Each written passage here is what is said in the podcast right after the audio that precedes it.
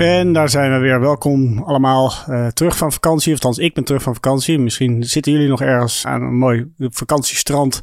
En luisteren jullie naar deze podcast. Ik hoop het. Bij ons is het gewoon weer aan de slag. En in Amsterdam is het ook inmiddels weer behoorlijk heet. Dus uh, ik zit hier boven in mijn huis. Een oud huis waar geen enkele ventilatie is. Dus ik zit alweer te zweten om de podcast van deze week rond te breien. Het goede nieuws is dat uh, de buren op dit moment verdacht stil zijn zou de verbouwing dan toch eindelijk af zijn?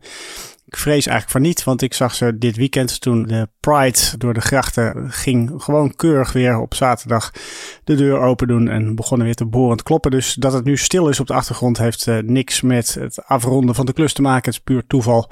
Maar laat ik de goden niet verzoeken, want voor hetzelfde geld gooien ze zo meteen de beuk erin. Je vraagt je wel af hoe lang zo'n klus nou eigenlijk kan duren, maar dat even terzijde. U luistert naar De Daalder Denkt Hardop, de wekelijkse podcast die ik zelf presenteer. Lucas Daalder, beleggingsstratege bij BlackRock. Het concept is bekend. Ik praat over financiële markten en economie wereldwijd. Soms ook nog wat geopolitiek als dat van belang mocht zijn. Uh, u kunt altijd uw vragen stellen bij vraag.daalder.blackrock.com. Normaal heb ik dan aan het einde van uh, deze uitzending ook nog de rubriek waar we het met z'n allen te weinig over hebben. Waar ik nog steeds geen betere naam voor heb kunnen bedenken. Maar omdat ik de afgelopen drie weken zelf in Denemarken en Zweden aan het rondzwerven was, weet ik eigenlijk niet zo heel goed waar we het de afgelopen weken wel met z'n allen over hebben gehad. Dus vind ik het ook een beetje moeilijk om nu aan te gaan geven waar we het te weinig over gehad hebben. Dus wil ik het een beetje geloofwaardig houden, sla ik deze rubriek deze keer over. Volgende week, beterschap, komt er uiteraard wel weer een nieuwe editie. En daarmee kunnen we wat mij betreft beginnen met de podcast. Die eerste paar dagen na de vakantie vind ik altijd een hele moeilijke. In die zin dat je gemist hebt wat er de afgelopen weken echt in financiële markten gespeeld heeft. Uiteraard kan je natuurlijk wel de, de data erbij pakken en zien dat er de beurs omhoog zijn gegaan of dat de kapitaalmarkt is gedaald. Maar de details erachter, het vingerspitsengevoel van, van wat is nou eigenlijk echt aan de hand, wat speelt er, ja, dat ontbreekt in de eerste instantie. Uh, en je mist alle finesses, de discussies die gespeeld hebben, ja, die, die heb je eigenlijk gemist. Dus je bent uh, zoekende naar wat nou eigenlijk de, de, thema's zijn die op dit moment echt relevant zijn.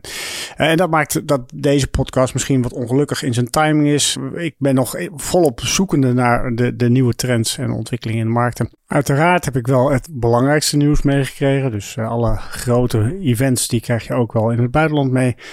Maar hoe dat nou precies doorwerkt in financiële markten is altijd een beetje de vraag. Om een voorbeeld te geven, ik heb meegekregen op mijn vakantie dat de Italiaanse regering is gevallen.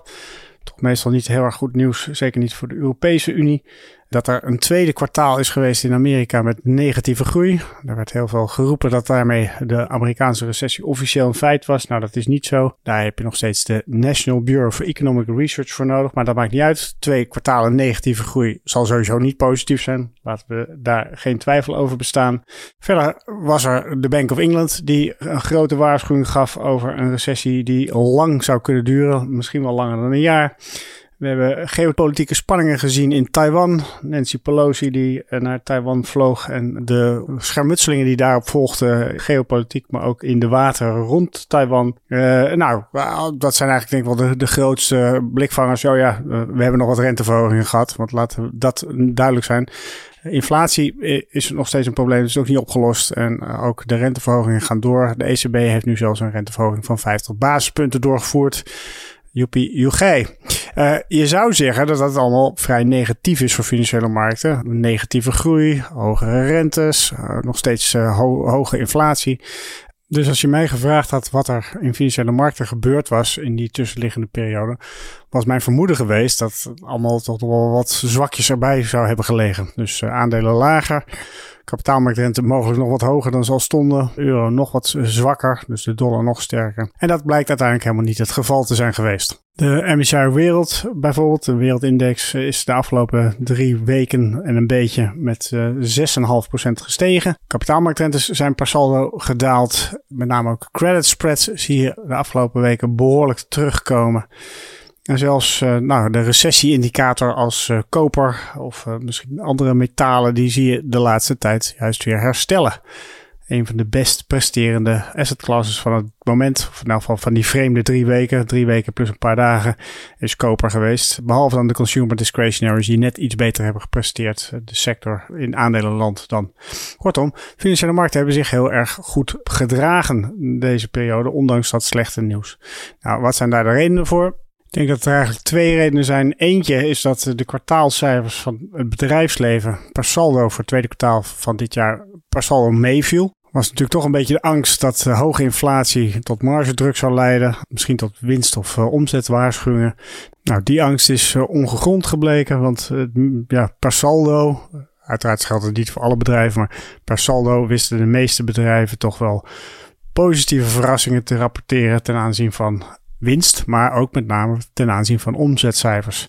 Interessant hierbij is dat met name Europa op dit moment betere resultaten heeft weten te boeken dan Amerika. Nou kan dat een momentopname zijn, want als je puur kijkt naar de performance van de beurs, dan zie je dat wel degelijk Amerika juist het weer beter heeft gedaan dan Europa over de afgelopen drie weken en een beetje dan toch. Uh, dus die vrees en angst is niet uitgekomen. Dat is het eerste positieve punt wat uh, het sentiment op de markt wat heeft doen verbeteren. Het tweede element wat geholpen heeft is uh, toch wat ontspanning op de obligatiemarkt. Als je kijkt naar de Duitse kapitaalmarktrente bijvoorbeeld, die stond midden juni nog op een niveau van 1,92%, dus 1,92%. Nou, die heeft de afgelopen weken een, weer een bodem bereikt van onder de 1%. Uh, op dit moment, op het moment van spreken, zitten we op 94 basispunten, dus 0,94%. Dus je kan zeggen dat er bijna een vol procentpunt van afgekomen is de afgelopen anderhalve maand in dit geval. Ook dat is iets wat voor financiële markten, met name aandelenmarkten, toch wat meer rust geeft. Wat niet wegneemt dat sommige thema's wel degelijk ook een rol hebben gespeeld de afgelopen week. Kijk zoiets naar dat conflict rond Taiwan, lopende spanningen daar. Zie je wel degelijk terug in de performance van de Chinese aandelenmarkt, die de hekkersluiter is geweest over de afgelopen maand. Slechtste performance van alle regionale aandelenbeurzen. En dat terwijl ze daarvoor juist een van de sterkste beurzen waren. Overigens ben ik ervan overtuigd dat het leidende thema ook nu nog steeds inflatie, inflatieverwachtingen en de toekomst van inflatie is. En dat zie je ook eigenlijk wel, wat mij betreft, terug in die winst- en omzetcijfers die ik eerder noemde. Maar we de neiging hebben om economische, macro-economische termen vooral in reële termen te aanschouwen. Dus denk aan het BBP. Als we het over BBP-groei hebben, dan hebben we het eigenlijk altijd over reële BBP-groei. Is dat bij winst- en omzetcijfers absoluut niet het geval. Dus daar kijk je juist altijd heel erg naar de nominale uh, ontwikkeling. Denk hierbij bijvoorbeeld aan uh, een supermarktketen. Ik zal geen namen noemen, maar een supermarktketen. Op het moment dat je ziet dat die in staat is om de kosten die zij zien stijgen door te berekenen aan de klant, dan gaan alle prijzen omhoog. Dat is inflatie. Tegelijkertijd betekent dat dus ook dat de omzet waarschijnlijk ook stijgt met eenzelfde bedrag. Uiteraard niet één op één. Hangt ook af van de koopkracht van de consument. In hoeverre die bereid zijn om nog steeds dezelfde producten te kopen. Of dat ze goedkopere varianten gaan kopen van dezelfde producten. Of per saldo minder gaan kopen. Hoe het ook zij, het feit dat die winst- en omzetcijfers nog steeds zo gunstig zijn, is wat mij betreft een heel duidelijk teken dat uh, de pricing power van het bedrijfsleven, in elk geval het beursgenoteerde bedrijfsleven, behoorlijk sterk is. Ze zijn gewoon in staat om de kosten die ze zelf in rekening worden gebracht door te berekenen naar de eindklant en daarmee blijft het inflatieverhaal levend. Nou, dat kan natuurlijk niet eindeloos goed gaan. Uh, waar gaat het mis? Je ziet natuurlijk dat uh, juist die inflatie op dit moment de koopkracht van de consument uitholt. Dus als die inflatie hoog blijft en de consument wordt niet gecompenseerd door bijvoorbeeld hogere lonen, dan zal je zien dat uiteindelijk ook de consument het laat afweten. Waarmee dus ook die pricing power van de producent wat meer in gevaar komt. En daar zit je natuurlijk wel in een soort van ja, catch-22. Aan de ene kant zou je dus zeggen van nou ja, laten we maar hopen dat die lonen verder omhoog gaan krijg je tenminste compensatie. Uh, in, wordt de koopkracht niet te veel uitgehold. Aan de andere kant, eh, zolang die pricing power van bedrijven hoog blijft, gaan die loonkostenstijgingen waarschijnlijk weer één op één doorvertaald worden naar hogere prijzen. Waarmee het probleem dus blijft bestaan. Anders gezegd, positieve omzetcijfers, positieve winstcijfers, meevallers ja, dat zijn eigenlijk de, de indicaties dat het bedrijfsleven op dit moment niet een deel van de klap incasseert, maar alles weet door te plaatsen naar de consument. En of dat nou vanuit macro-economisch perspectief het meest gunstige scenario is, kan je ook sterk afvragen. Overigens zei ik aan het begin van dit segment dat inflatie wat mij betreft nog steeds het belangrijkste thema is. Daar sta ik volledig achter. Het is wel interessant om dan te zien wat er bijvoorbeeld gebeurt in financiële markten rond die inflatie. En uh, daar hebben we de afgelopen weken wel ja, toch wel op, wat opmerkelijke ontwikkelingen gezien. Waar de Amerikaanse inflatieverwachtingen de afgelopen weken en maanden eigenlijk consequent onder druk is komen te staan, zie je in Duitsland precies het tegenovergestelde. Om even wat getallen te noemen, de tweejaars break-even, dat is de zeg maar, inflatie die de komende twee jaar gemiddeld verwacht wordt, of waar je op kan handelen in financiële markten voor Amerika, die piekte eerder dit jaar rond de 5%. Nou, die handelt op dit moment rond een niveau van slechts 3%. Dat is nog steeds hoog natuurlijk, maar gegeven die hoge startinflatie die je nu hebt, klinkt dat allemaal alleszins redelijk. Kijk je naar Duitsland, daar zag je natuurlijk een hele sterke stijging vlak na de inval van Rusland in de Oekraïne. Piekte de tweejaarsverwachting op dat moment ergens rond de 5,5%. Daalde vervolgens enigszins, maar staat op dit moment weer op een niveau van rond de 6%. Weliswaar voor de komende twee jaar. Hè? Dus het is de korte lopende. Maar ook bij de andere contracten, de langer lopende break-evens, zie je heel duidelijk dat er in Duitsland een bodem is neergezet. Laten we zeggen ergens midden juni. En vervolgens zijn die contracten weer aan het oplopen. Uh, terwijl in Amerika je eigenlijk uh, tegenovergestelde ziet. Daar zie je dat die trend eigenlijk vrij ja, uh, gestaag naar beneden gaat. Weliswaar liggen de niveaus daar voor de wat langere contracten misschien wat hoger, maar per saldo zie je dat de trend daar de goede kant op gaat. Nou, deels zal dit te maken hebben met eh, zeg maar, de belangrijkste drijver achter die inflatie in Europa. Dat zijn de Europese gasprijzen. Uh, wij hebben natuurlijk met het conflict met uh, Rusland te maken, die langzaam maar zeker de gastoevoer aan het afknijpen is. Uh, maar deels zal dit ook misschien een reflectie zijn van het verschil in monetair beleid wat gevoerd wordt. De Federal Reserve heeft zijn beleidsrente inmiddels al naar 2,5% weten op te tillen. Bij ons staat de teller op dit moment op nul. Nou, en hiermee kom ik eigenlijk ook op een vraag die ik heb gekregen via de vraag.daalder.blackrock.com. Iemand die wil weten hoe het nou toch kan dat de inflatie in Europa eigenlijk nog niet veel hoger staat dan die in de VS. Monetair beleid is veel ruimer. We hebben te maken met de afhankelijkheid van Rusland, die een grote rol speelt. Verder zien we dat de euro verzwakt is, wat natuurlijk ook nog een inflatoire effect heeft. Dus waarom is het nou zo dat de inflatie in Europa eigenlijk niet veel hoger staat dan de VS? Nou, de belangrijkste reden daarvoor is denk ik dat de Europese economie minder stevig hersteld is. Dus de Amerikaanse economie had een sterker herstel liep eerder tegen allerlei grenzen aan. Dus daar zag je eigenlijk dat de inflatie al begon op te lopen vlak na het uh, opengaan van de economie. Hè, het wegvallen van uh, de coronamaatregelen. Europa volgde dat pad wel, maar minder sterk. Dus uh, wat gematigder groei, minder sterk groeiherstel. En verder, heel belangrijk, is het verschil van de arbeidsmarkt. De arbeidsmarkt in Amerika is toch echt wel een stuk krapper dan die in Europa. Uh, je ziet het ook heel sterk terug in bijvoorbeeld de loonontwikkeling. De loonontwikkeling in Amerika die ligt echt al rond de 5, naar boven de 5% zelfs als je de laatste payroll figures erbij pakt. In Europa ligt het allemaal een stukje lager. Dus waar in Europa een groot deel van de inflatie met name geïmporteerd is, eh, olie gerelateerd is, zag je eigenlijk dat in de VS echt al sprake was van interne inflatie samenhangend met tekorten aan bepaalde producten. Wat weer met de herstart van de, wereldeconomie te maken had. Maar ook gewoon tekorten omdat er gebrek was aan mankracht. Kijken we nu naar die vijf jaar break-evens, dus zeg maar wat je kan handelen in financiële markten. Nou, daar is duidelijk de boodschap dat uh, Duitsland de komende vijf jaar met een hogere inflatie te maken gaat krijgen dan die in de VS. Deels hangt dit samen met zeg maar, de spike die je nu al voor de kiezer krijgt met dank aan Rusland. Maar misschien is er ook wel sprake van een meer structurele wijziging.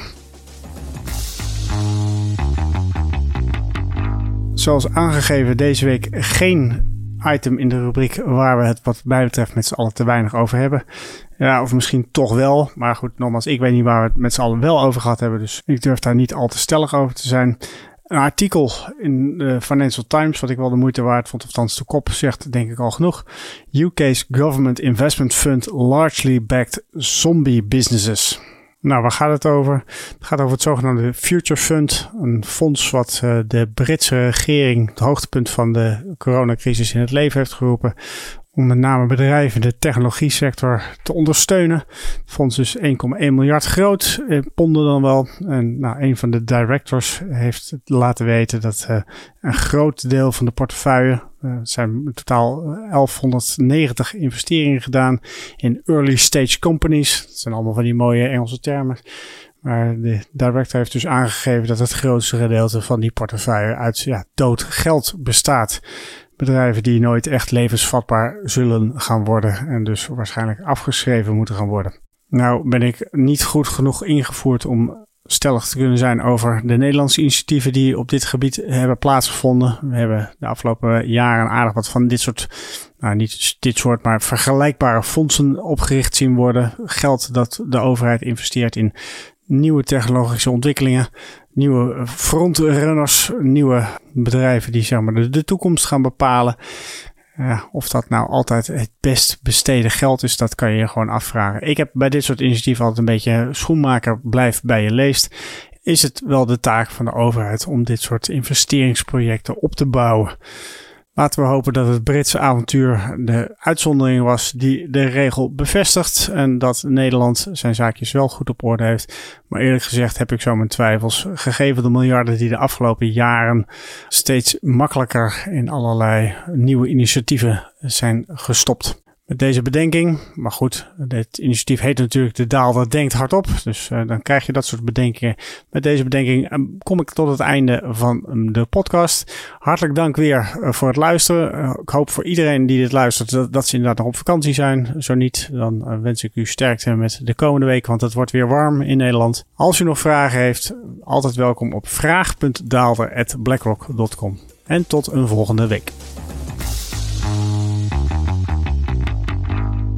Risicowaarschuwingen. Beleggingsrisico. De waarde van beleggingen en de opgebrachte inkomsten kunnen variëren. Het is niet zeker dat u uw oorspronkelijke inleg terug ontvangt. Dit is een marketinguiting. In het verleden behaalde resultaten geven geen betrouwbare indicatie van het huidige of toekomstige rendement en dienen niet als enige criterium te worden genomen bij de selectie van een product of strategie. Veranderingen in de wisselkoersen van valuta's kunnen ertoe leiden dat de waarde van beleggingen stijgt of daalt. Deze schommelingen kunnen bijzonder sterk zijn bij een fonds dat blootstaat aan een hogere volatiliteit en de waarde van een belegging kan plotseling en zeer sterk dalen. De fiscale regelgeving waaraan beleggingen onderworpen zijn en de hoogte van de belasting kunnen in de loop der tijd wijzigen. BlackRock kan op elk moment besluiten een fonds niet langer aan te bieden. Belangrijke informatie. Deze podcast is alleen bestemd voor professionele beleggers volgens de MIFID-richtlijn. Andere personen dienen niet op de hier geboden informatie te vertrouwen.